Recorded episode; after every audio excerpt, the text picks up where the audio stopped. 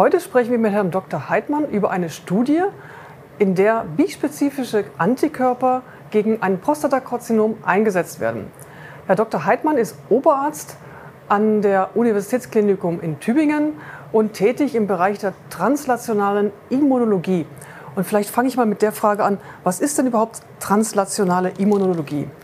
Ja, das ist ein, ähm, ein Fachbereich, der hier an der medizinischen Klinik ähm, etabliert wurde, der sich vor allem damit beschäftigt, möglichst rasch ähm, neue Erkenntnisse aus dem Bereich der Laborforschung in die Klinik zum Patienten zu bringen. Und ähm, die Immunologie ähm, bezieht sich darauf, dass wir vor allem immuntherapeutische Ansätze, das heißt Impfungen oder eben Therapien mit Antikörpern äh, Menschen in klinischen Studien zur Verfügung stellen.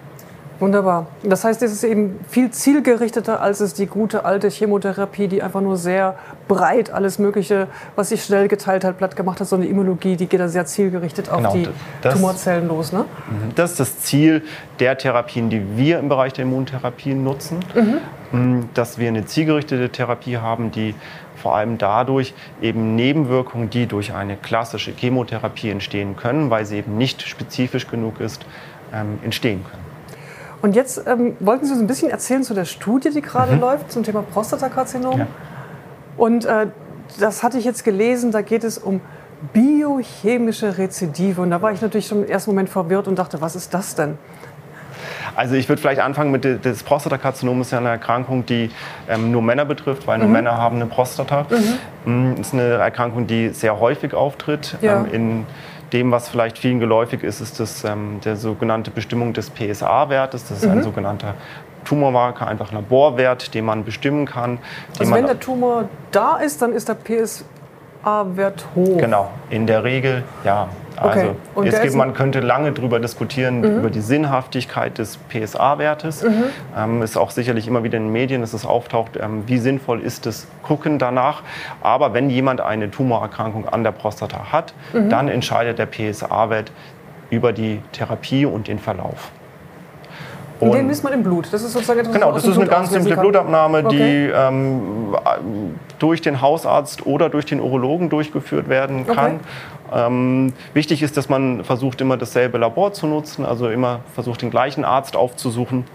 Und mh, hm, kriegen Sie so wie bei jedem anderen Blutwert einfach einen Befund auf Papier und daran kann man sich orientieren. Mhm. Und jetzt sprechen wir über Rezidiv. Das heißt, genau. die Leute haben schon eine erfolgreiche Therapie im ersten Schritt gemacht? Mhm, genau. Also wir haben Patienten, die, bei denen wurde in der Vergangenheit ein Prostatakarzinom diagnostiziert. Das mhm. wurde erfolgreich ähm, in, in, heilender Absicht ähm, therapiert. Das bedeutet, man hat die Prostata herausoperiert oder man hat die Prostata so weit bestrahlt, dass alle Tumorzellen kaputt gegangen sein mhm. sollten. Mhm. Und dann ist es so wie bei anderen Tumorerkrankungen auch, dass die Patienten in die Nachsorge gehen. Mhm. Ähm, und in dieser Nachsorge wird dann regelmäßig der PSA-Wert bestimmt im Blut. Und dann passiert es leider in einem Teil der Menschen, dass der PSA-Wert wieder ansteigt mhm. über die Nachweisgrenze.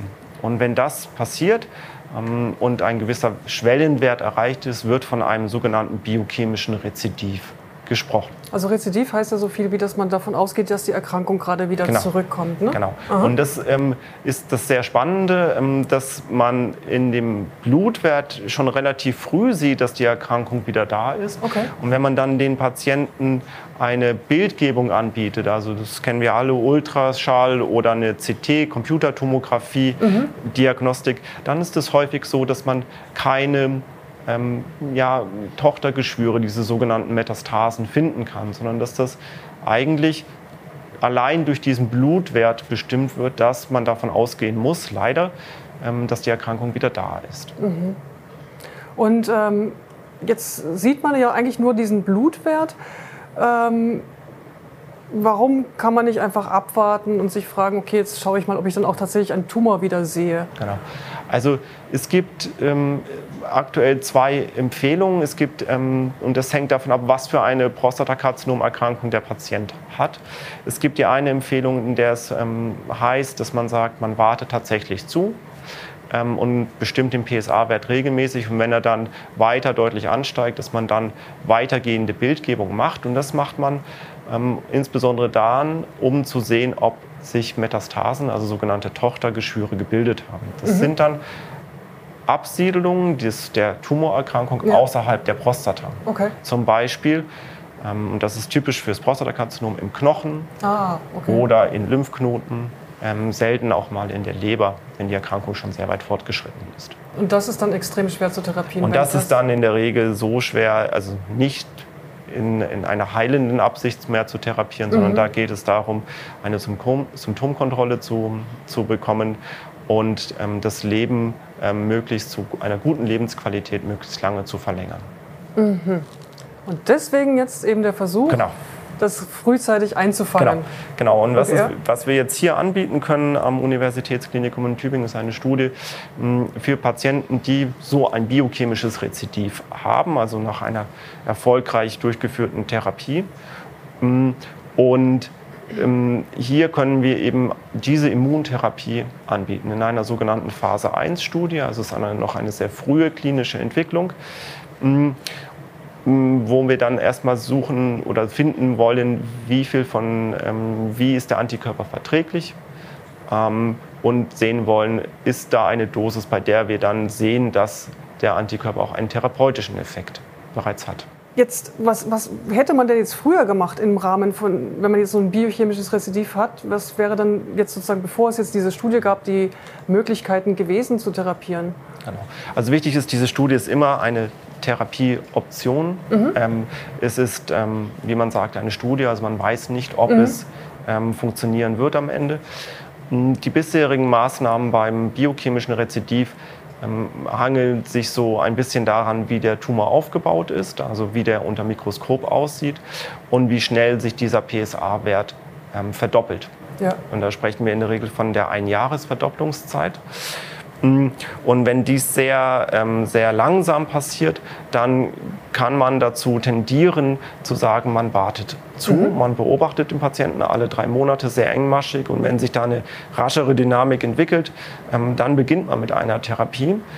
Mm, und wenn man so eine rasche Dynamik hat, ist die Therapie häufig zunächst nochmal zu gucken, kann ich denn noch mal was an der Prostata-Region machen? Also kann ich da noch mal nachbestrahlen? Kann man da vielleicht noch mal nachoperieren, wenn der Patient vorher nicht operiert wurde?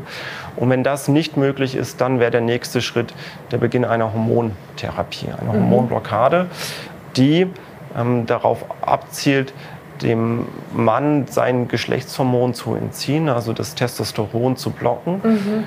Mm, was ja von einem Teil der Männer sehr gut oder gut vertragen wird, was aber in einem anderen Teil auch sehr, sehr, ja, zu sehr eingeschränkter Verträglichkeit führt, weil es einfach ähm, antriebsmindernd ähm, sein kann, es kann Müdigkeit machen.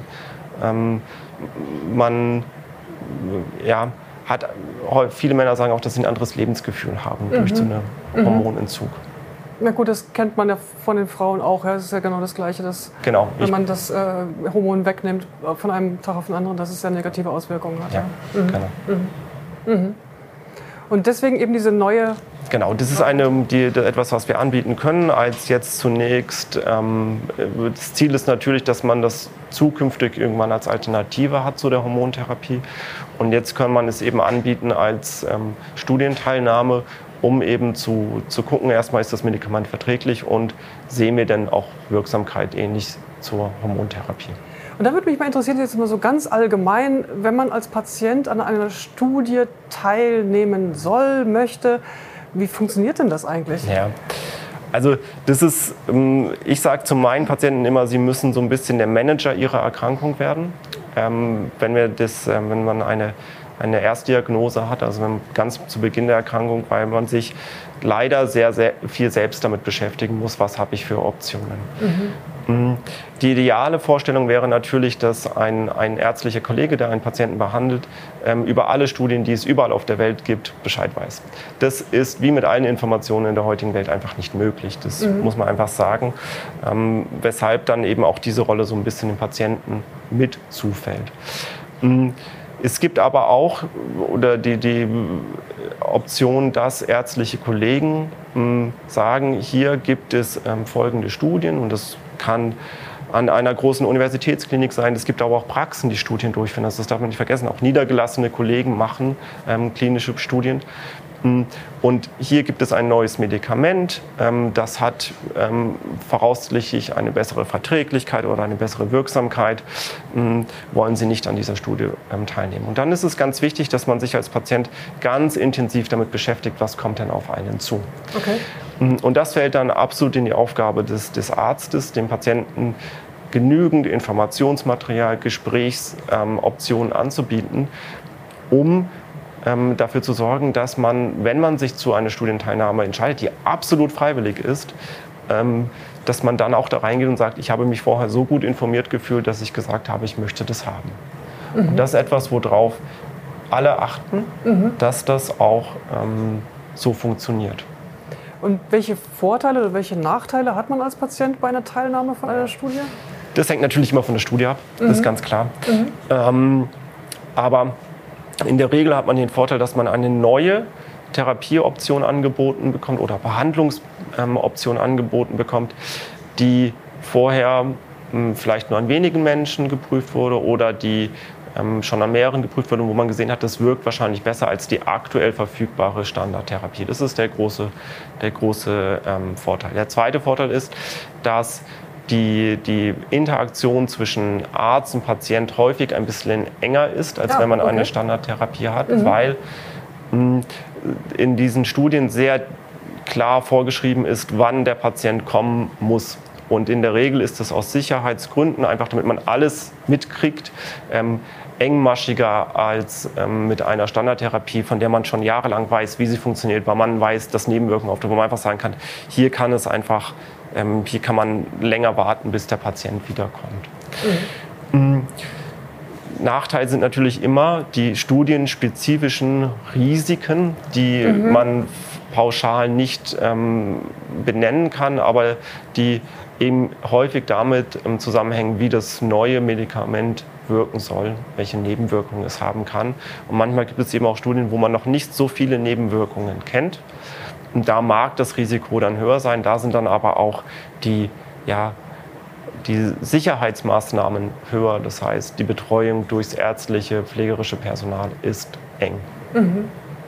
Und wenn man jetzt an einer Studie teilnehmen möchte, jetzt mal nochmal wieder ganz allgemein, mhm. dann google ich am besten oder frage meinen Onkologen oder? Ja, also genau, also die beiden Optionen sind absolut richtig. Also ja. Sie googeln, ähm, Sie ähm, fragen Ihren Onkologen, Sie mhm. können auch manchmal weiß auch ein Hausarzt sehr gut Bescheid, wenn mhm. es gibt ja immer wieder Fortbildungen, die dann irgendwie mhm. auf neue Studien ähm, eingehen ist, ähm, wird ähm, sicherlich auch bald Optionen geben, die äh, die Patienten noch mehr helfen sollen, also andere Formen der Internetrecherche. Da ist es ein Markt, auf dem sich gerade viel entwickelt. Ähm, und so findet man Studien. Es gibt natürlich auch neben Google klinische Studienregister, die sind aber größtenteils alle auf Englisch. Das heißt, Ausländisch? Englisch. Englisch, Achso. Alle auf Englisch. Okay. Ähm, das heißt, die sind, muss man des Englisch mächtig sein, damit mhm. man versteht, was dort, mhm. was dort steht. Aber auch dort gibt es Umdenken, dass man sagt, man sollte zumindest ähm, laienverständliche Zusammenfassungen mhm. zur Verfügung stellen. Und jetzt ganz konkret in Ihrer Studie, wenn man da teilnehmen mhm. wollte, da frage ich mich dann immer, können denn die Patienten für sich selber das überhaupt einschätzen? Da müssen sie eigentlich sich in erster Linie an ihren Arzt wenden und den dann fragen, kannst du das für mich beantworten, ob ich da teilnehmen kann oder sollte? Also ich glaube, als Patient kann man schon relativ gut einschätzen, ob das für einen in Frage kommt oder okay. nicht.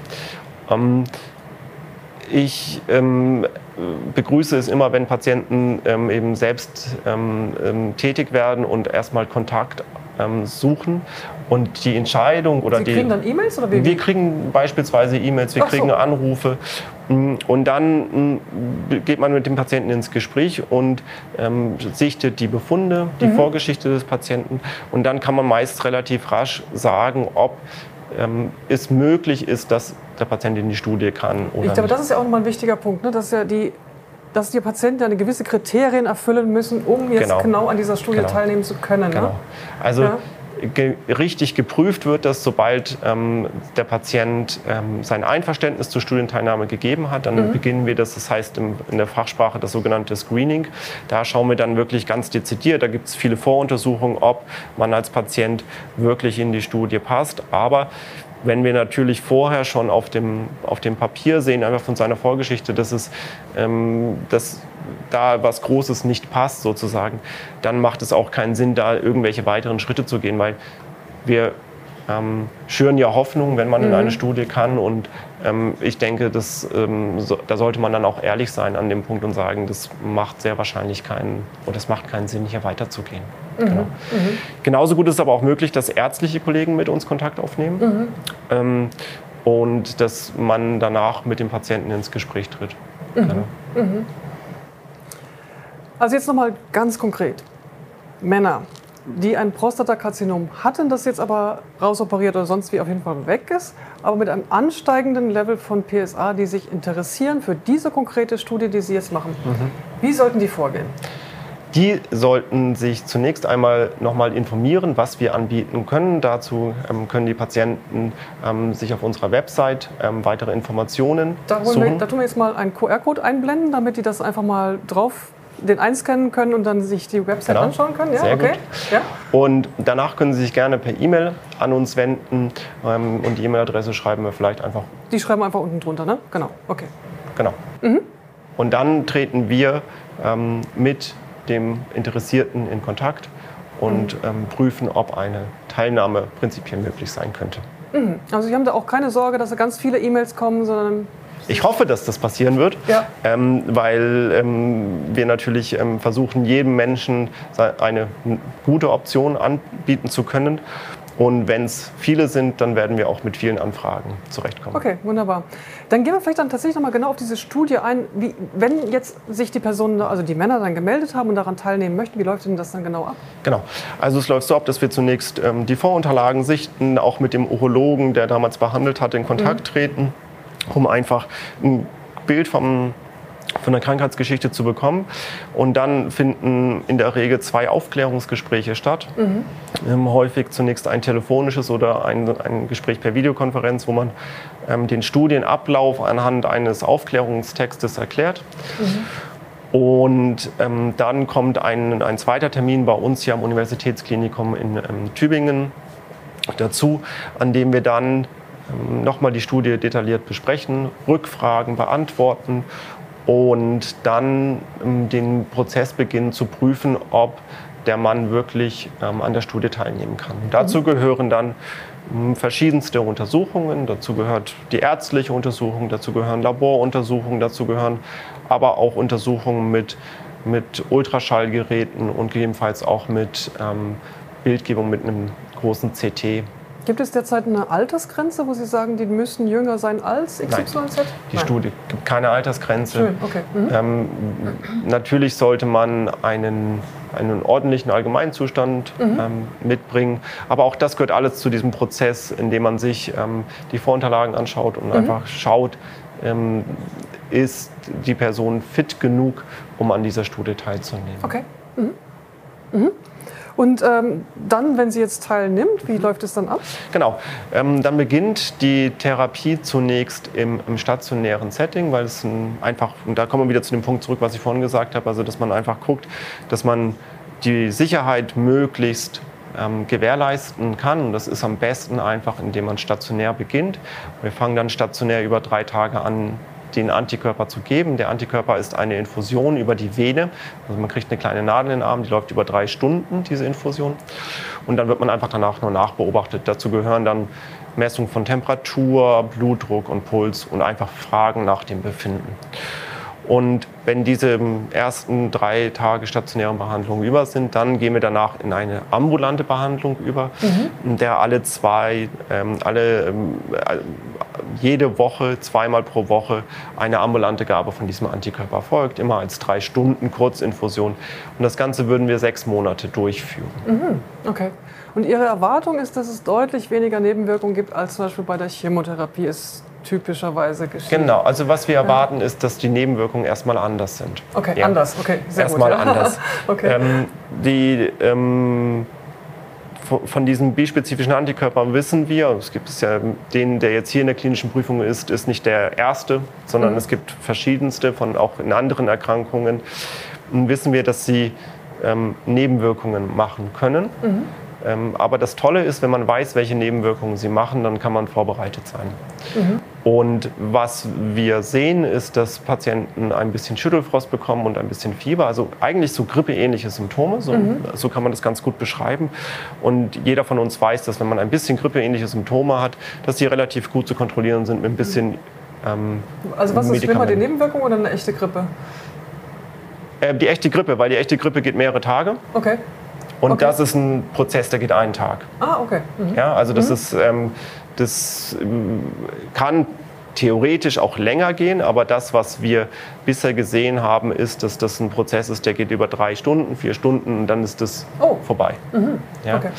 Und das ist schon eine andere Nebenwirkung, als wenn man das mit einer Chemotherapie vergleicht, hm, bei der man ja dann doch häufig sieht, dass die Nebenwirkung vielleicht nicht am Tag der Infusion auftritt, sondern dann drei, vier ja, Tage später mhm. und ähm, dann auch ein bisschen länger anhalten können. Mhm. Genau.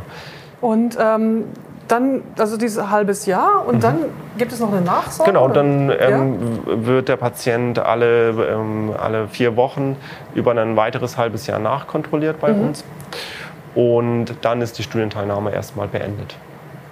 Und welche Zusatzkosten kommen denn auf den Patienten zu, weil er jetzt eben an einer Studie teilnimmt und nicht eine schon freigegebene Therapie macht? Also die Zusatzkosten, die auf ihn, auf ihn zukommt, ist letztendlich die, die Fahrt zu uns nach Tübingen, muss man ganz ehrlich ah, sagen. Ah, okay. mhm. Ja, und das ist auch etwas, was ähm, natürlich ähm, häufig ja, dazu führt, dass es ähm, ja, ähm, ja, schwierig ist, von Hamburg nach Tübingen zu kommen, mhm. wenn man mhm. so lange unterwegs ist.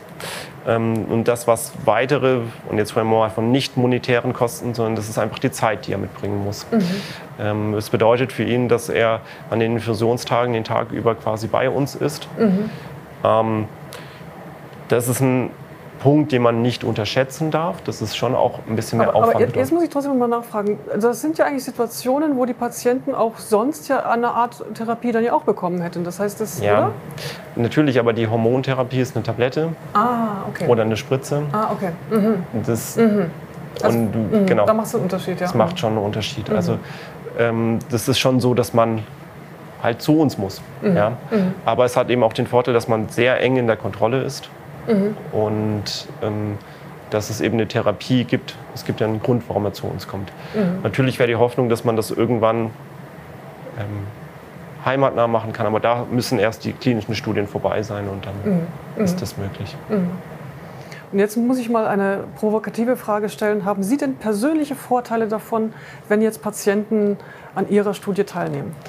Ähm, ich persönlich habe davon gar keine Vorteile. Mhm. Ähm, ich sehe es eher so, dass dieser Vorteil vor allem den Patienten zugutekommt, also mhm. dass wir hier eine Behandlungsoption ähm, anbieten. Es ist wichtig, dass bei Prüfungen oder klinischen Prüfungen ähm, das ärztliche Personal, das die Patienten behandelt, ähm, davon keinen Vorteil hat. Und das muss auch vorher alles offengelegt werden. Mhm. Das wird kontrolliert. Ähm, dass also Sie geben keinen Bonus pro Patient, der dabei ist oder nein, so? Nein, nein. Mhm. nein mhm. das gibt es nicht. Mhm. Es ist ganz wichtig, dass ähm, das ärztliche Personal und auch das andere Studienpersonal, das in der Pflege tätig ist, weil wir haben auch Studienassistentinnen, Studienassistenten, dass die unabhängig sind von dem, was das Prüfpräparat mhm. mit, mit, sich bringt. Okay. Genau. Und dann jetzt noch eine zweite provokante. Frage, weil ich schon öfters gehört habe, dass es nicht funktioniert. Werden denn alle Patienten, die teilgenommen haben, im Nachhinein informiert darüber, was denn bei der Studie herausgekommen ist? Ich, ich finde das super, dass Sie das ansprechen. Äh, wir hatten tatsächlich eine andere Studie, wo, wo wir das auch ganz intensiv äh, getan haben. Also, dass wir die Patienten danach informiert haben. Es sind da, sage ich jetzt mal, zwei kleinere Probleme. Ja. Ähm, ist es aktuell so, dass man, wenn man die Studien dann zusammenfasst, dass man das alles auf Englisch schreibt. Ah. Und ja, aber heutzutage gibt es doch die ganzen Übersetzungssoftware. Genau. Und wenn, wenn, ein, wenn jemand äh, dem dazu in der Lage ist, das schnell zu übersetzen, dann äh, mit so einer Übersetzungssoftware, dann ist das natürlich problemlos möglich. Mhm. Ähm, ich sage immer, oder ich habe immer, ich sage den Patienten, sie dürfen nachfragen. Mhm. Also es passiert selten, dass jemand aktiv diese Information dann teilt, wenn sie verfügbar ist. Ach so, okay. Mhm. Aber also sie wird natürlich öffentlich, aber der Studienteilnehmer selbst kriegt jetzt keine E-Mail, in der drin steht, die Studiendaten sind jetzt veröffentlicht. Ach so, okay. Mhm. Und dann muss man als Patient nachfragen und sagen, hört mal zu, was ist da jetzt rausgekommen und dann ist es eigentlich so, dass diese Informationen geteilt werden. Und das ist auch mhm. ähm, ja, das gute Recht, dass der Patient auf seine eigenen Daten Zugriff haben darf. Und wenn dann die anonymisiert veröffentlicht sind, dann kann er auch sehen, was denn im Großen und Ganzen rausgekommen ist. Mhm. Wunderbar, vielen Dank, Herr Dr. Heidmann. Ich wünsche Ihnen ganz viel Erfolg Danke. vor allen Dingen mit der Studie und hoffe, dass diese neuen bispezifischen Antikörpertherapie bald verfügbar sind. Ja, das hoffen wir auch. Mhm. Vielen herzlichen Dank. Gerne. Ach ja, bitte geben Sie uns Feedback zu dieser Episode unten in den Kommentaren. Wir möchten unsere Angebote immer besser machen. Wenn Sie also konkrete Fragen haben und Sie bestimmte Themen besonders interessieren, lassen Sie es uns unter dem Video oder per Mail wissen. Und übrigens, abonnieren Sie unseren Kanal, dann verpassen Sie keine weitere Folge.